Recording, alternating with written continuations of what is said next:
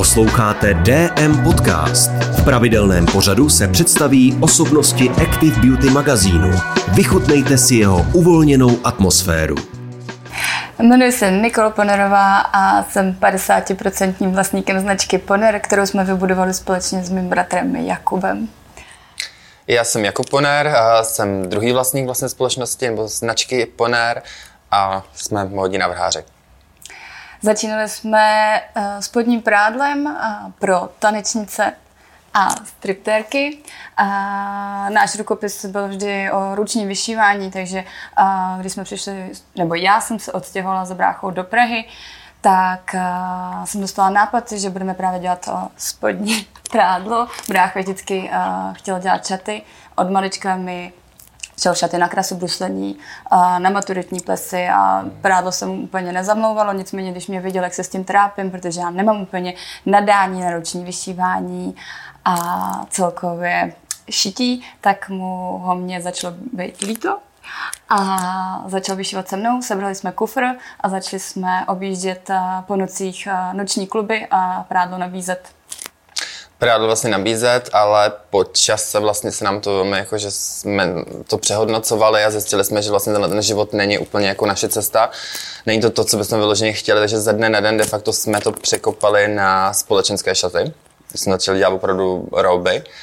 A my jsme to zprádlo fakt dělali opravdu třeba pouhé tři měsíce, kdy ta práce byla hlavně v noci a já jsem pomalu začínala jako všechny ty produkty fotit na sociální sítě, začala jsem uh, být až moc přeaktivní, začínala jsem si předávat spoustu uh, lidí a tím uh, možná některé lidi odpuzovat, nicméně uh, ten algoritmus na těch sociálních sítích ještě nebyl v té době uh, tak blokovaný jako teď. A a myslím si, že to byl ten jakoby zlom, kdy pro někoho jsem byla otravná, pro někoho uh, neotravná, začíná nás lidi sledovat a my jsme postupně začali uh, přidávat i fotky šatů. Nejdřív jsme uh, vybírali, nebo nejdřív nás uh, vyhledávali různé maturantky a brácha tím, že dřív jako dělal modela, a stylistu, tak uh, jsme naše šaty nabídli nejdřív vlastně uh, Gábině Partišový, potom uh, tehdy s tou už moc nespolupracujeme. Kačce Krystelový, ta tenkrát oblékla naše společenské šaty a on to byl takový hrozně rychlej kolotoč, kdy vyšel první článek, druhý článek první přehlídka, kde jsme poznali naše skvělí klienty, kteří se za nás tenkrát postavili, začali nás hodně nakupovat a, a my jsme museli v jednu chvíli přehodnotit tu cenovou politiku, kdy jsme si jako rozhodli, že chceme mít luxusní, drahou značku a absolutně mnohonásobně procentuálně zdražit my jsme a... vlastně ze dne na den skočili do něčeho, čeho jsme de facto vůbec nerozuměli. Nerozuměli jsme cenové politice vlastně, jak to nastavit. Uh, vlastně veškeré věci vznikaly u mě vlastně v původním starém bytě, uh, kam jsme se po chvilce vlastně nevešli. Teď jsme museli řešit i vlastně přesun ateliéru nebo přesun zbytu do ateliéru, co budeme vlastně dělat. Peníze jsme na to samozřejmě neměli, ehm, takže tam to vznikalo všechno tak jako strašně za pochodu a nevěděli jsme de facto sami, do čeho jdeme a jak to dopadne a co z toho jako bude. Takže my ze dne na den jsme Uh, začali hledat ateliér, našli jsme ho ve Strašnicích, kde jsem původně bydlel. Našli jsme nádherný prostorný ateliér v 17. patře, který byl celý prosklený, jsme tam krát vešli a bylo to takový to wow, že prostě někam vejdete a, a jako uchvátí vás to a my bezmyšlenkovitě jsme to vzali.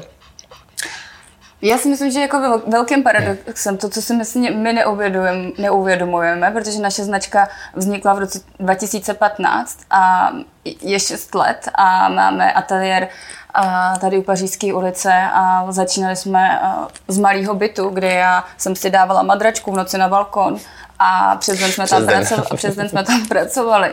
A, a pak jsme si vzali ten obrovský krásný ateliér v těch strašnicích a tam jsme taky bydleli.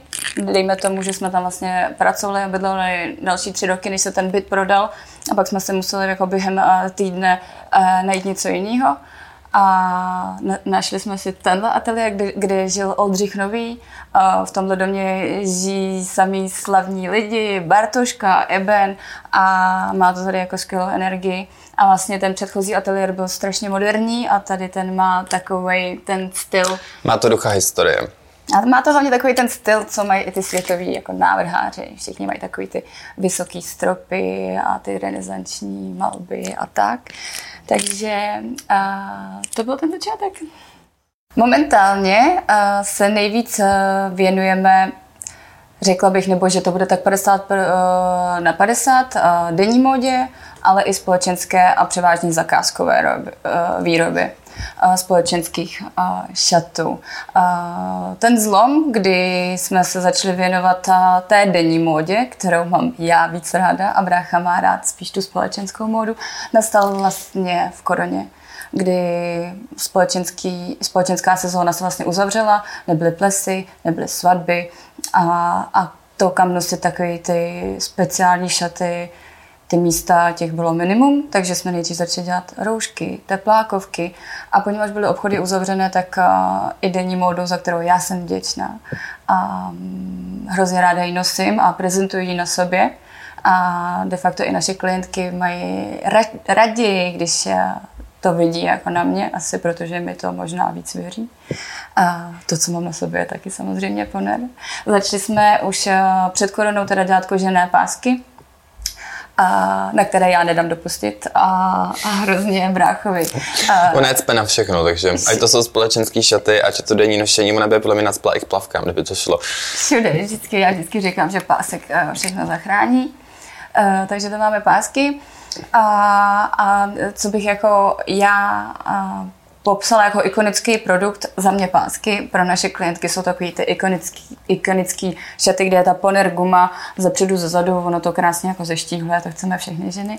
Tak to já považuji za ikonický produkt. My těch ikonických produktů podle mě máme jakoby více. Máme tam vlastně korzetové šaty, které děláme téměř od začátku, vlastně co my jsme začínali a které vlastně máme stále v nabídce a které stále v nabídce budou. Děláme v několika barvách, jsou mezi klientkami velmi, velmi oblíbené takže tam těch produktů by se určitě našlo víc, pak to jsou vlastně věci na denní nošení vlastně z naší ponergumu, ale co jsem tím chtěl říct, nás vlastně korona naučila i to pracovat s různými materiály, protože předtím jsme třeba absolutně nepracovali s bavlnou, nepracovali jsme tolik s viskozou, takže vlastně jsme si tou koronou prošli i výběrem různých materiálů, který vlastně potom se dají použít hlavně na to denní nošení.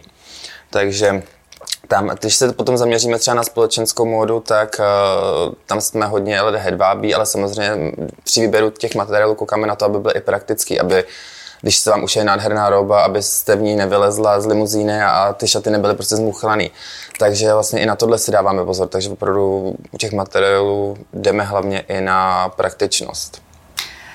Eh, I tak, eh, i u týdení, kdy eh, vlastně v té koroně se nám hodně rozjel e-shop, takže jsme jako začali dělat i tu konfekční modu, ale i tu konfekční modu upravujeme klientkám na míru, když je potřeba. A na, na, jako co se týká té tý zakázkové výroby, jsme schopni jako ušít cokoliv. Děláme vlastně i věci pro psy, nebo teda jenom jako obojky a takovéhle věci. Vlastně mě nenapadá nic, co bychom pro naše klientky nebyli schopni zařídit. A vím, že jako historicky jsme hodně a, dělali i půjčování šatů, těch společenských šatů, protože jsem si vždycky říkala, a, že jako na co mít jako doma tak a, drahý šaty. Ale teď v posledních jako dnech dospívám k názoru uh, takovému, že je potřeba zase uh, něco jako změnit a ne, ne, že nechceme být tak jako dostupný a to omezovat, e, nebo to půjčování uh, určitě budeme omezovat a minimalizovat a budeme si vybírat do ty šaty vynese, protože uh, bych nikdy nechtěla aby se stalo to, že by z našeho brandu, který rychle vyrost, se stala jenom taková jako luxusní půjčovna. Dostupná masovka, no. A, a takže tohle určitě budeme teď jako v nadcházejících měsících jako měnit. Co se týče našeho pracovního dne, tak eh, náš pracovní den standardně začíná na 9 hodinu ráno, nebo v 9 hodin se otvírá ateliér. My se scházíme s Nikol samozřejmě o trochu dříve, dáváme si kávu standardně, u který probíráme vlastně nějaký plán na ten den. Eh, rozděluje se práce vlastně na dílně, rozděluje se práce vlastně asistentkám a to si vlastně už každý řešíme sám, protože vlastně já mám na starosti hlavně výrobu, Nikol především marketing. A mně se strašně líbí, jako, jako popsal, jak to tak jo, jako začíná, takhle by to mohlo začínat každý den, ale není to tak jako růžový. Uh, já jsem ranní ptáč a daleko víc a funguju uh, ráno. Já... Ale já jsem v práci většinou dřív tady.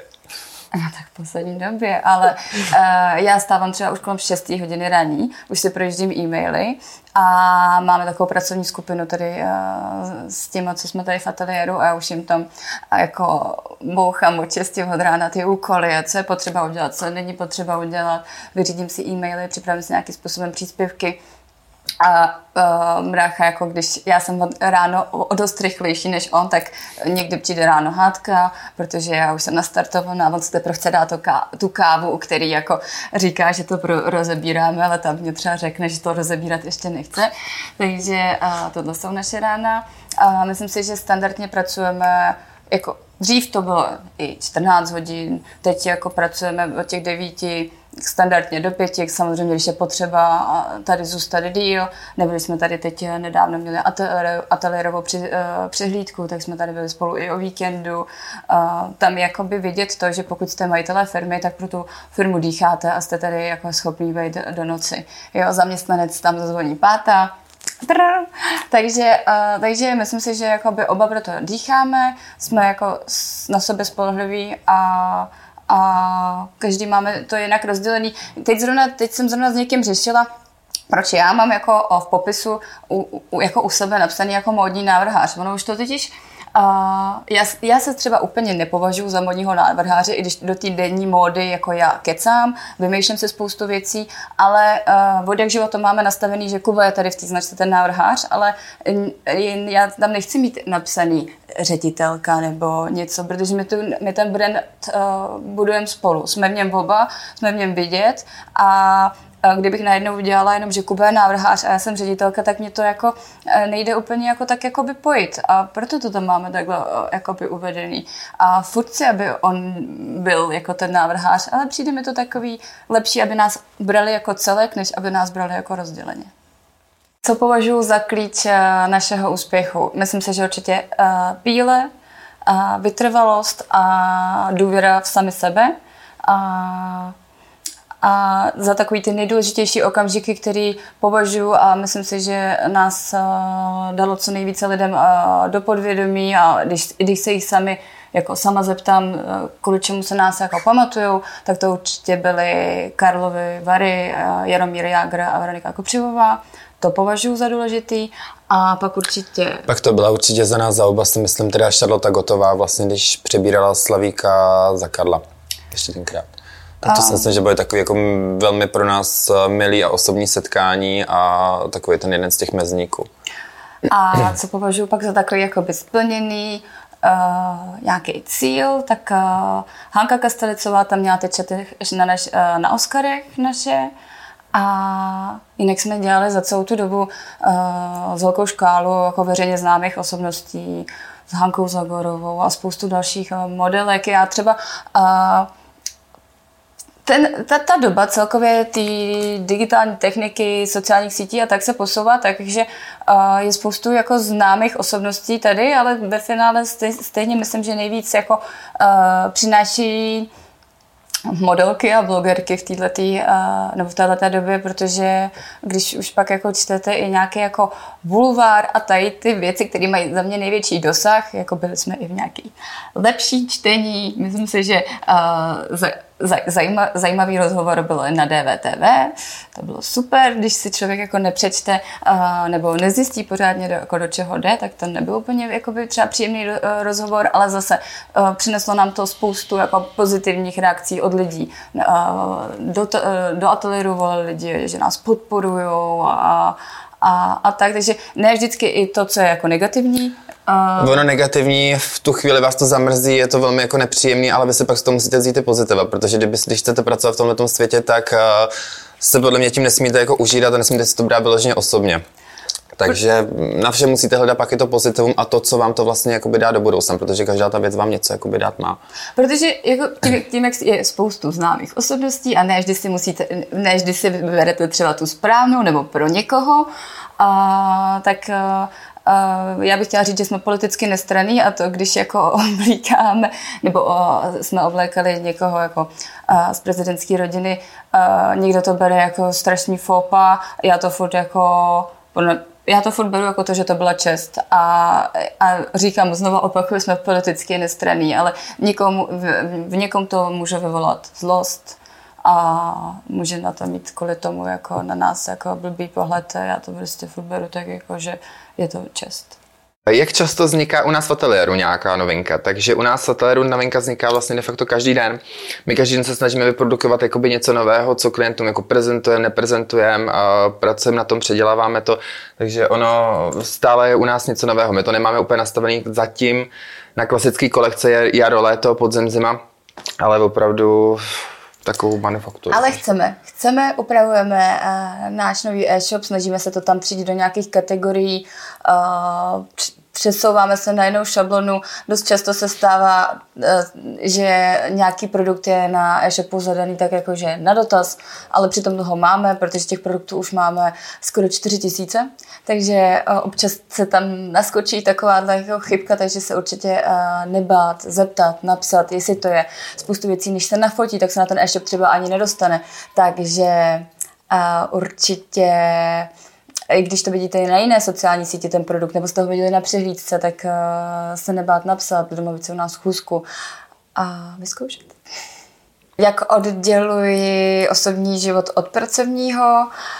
Mm, asi úplně jakoby normálně. My jsme se naučili to, že máme nějakou pracovní dobu, která uh, je daná. Uh, a to, jestli jeden z nás pracuje uh, víc nebo méně. Já si myslím, že pracuju víc. Ne, ale Kuba, máme krejčové všude po celé České republice, takže Kuba kolikrát končí třeba až v 11 večer a, a já můžu pracovat odkudkoliv z telefonu, takže pro mě je to jednodušší, takže já, miluji, já jsem milovník saun a masáž, a miluji masáže nohou a chodím na ně skoro každý den, takže i na té masáže nohou já si můžu dělat práci, takovou řízení moc ne, takže já po práci dost často navštěvu tyhle ty věci, a nebo jsme s našimi milovanýma pejskama, nebo mám ráda dobré restaurace a, a, a krásné hotely.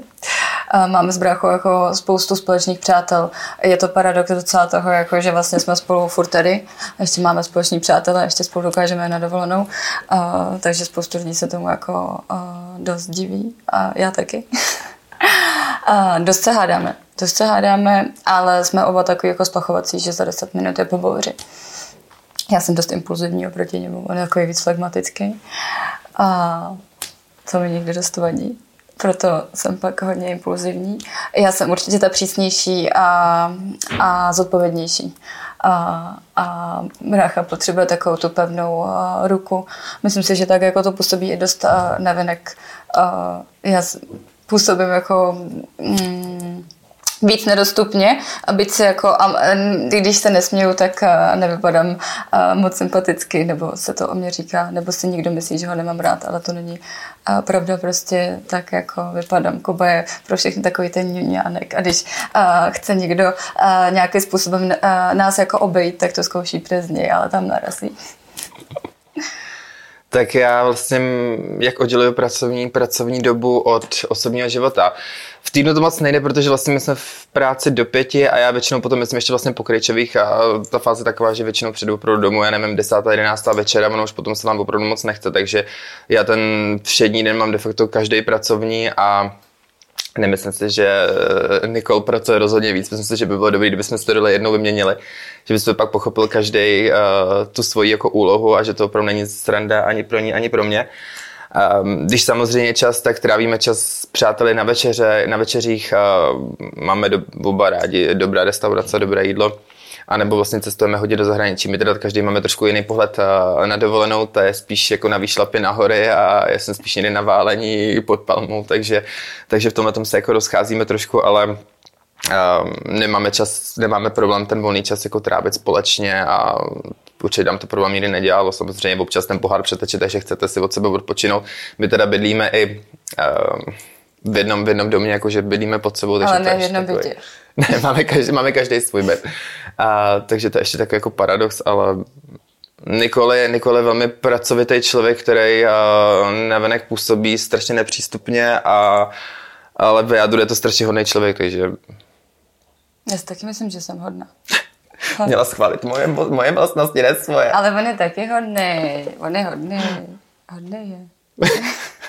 kde se vidíme v budoucnu, um, tak třeba tři roky zpátky jsme ještě ty vize měli takové, že budeme mít obchod na Manhattanu a v Paříži a kde si co si s přibývajícím věkem a tím pracovním tempem. A si myslím, že se nám to tak jako trošku mění, že, že jako ano, jsme stále jako hodně ambiciozní, ale, ale nevím, možná dozrávám do věku, kdy si říkám, jako, že chceme mít jako uh, kvalitní luxusní brand a, ale že jako v tomhle tempu bych jako jet nechtěla úplně do konce života, že určitě bych se chtěla zaměřit taky na rodinu a cílem by bylo třeba za tři roky, aby ta funga, firma fungovala uh, nějakým způsobem i bez nás. Já, já jsem jako pracovitý člověk, určitě v ní chci být, ale a ta práce se zaměstnanci a tak eh, je někdy fakt jako náročná. Takže jako cílem by bylo, aby to jako plulo i eh, bez nás.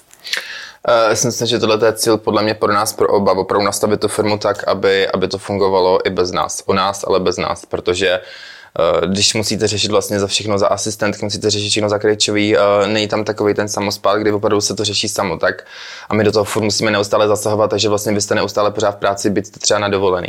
Takže rozhodně ten cíl nastavit tak, nebo máme to asi nastavený tak, aby jsme tu firmu uspůsobili tomu, aby, aby to pracovalo. Nicméně já chodím ke kartářkám. A ta říkala, že do tří let určitě budeme mít jako základu někde v zahraničí a i jemu to vychází a v těch kartách, takže, takže, takže třeba jo, mě by nevadilo asi postupem času žít i někde jinde jako u moříčka. A tak ta, ta, ta zahraniční klientela se pomalu jako nabaluje, jako nevylučuju. Jenom my jsme nikdy nebyli moc plánovací, my jsme nikdy neplánovali to, že budeme za šest let tady, kde jsme a a je to takový asi přirozený uh, posun všech jako návrhářů, designérů. Chtěli jsme vždycky mít velkou výlohu. Teď jsem se ale uh, bavila s jiným návrhářem, který už má za sebou 30 letou jako kariéru, uh, který říká, že vlastně ten ateliér je ve finále jako uh, nejlepší, než uh, uh, mít jako velký obchod s velkou výlohou. Tak uh, uvidíme, kam nás ten svět uh, zavede. Děkujeme za poslech DM podcastu. Nový díl očekávejte s dalším vydáním Active Beauty magazínu.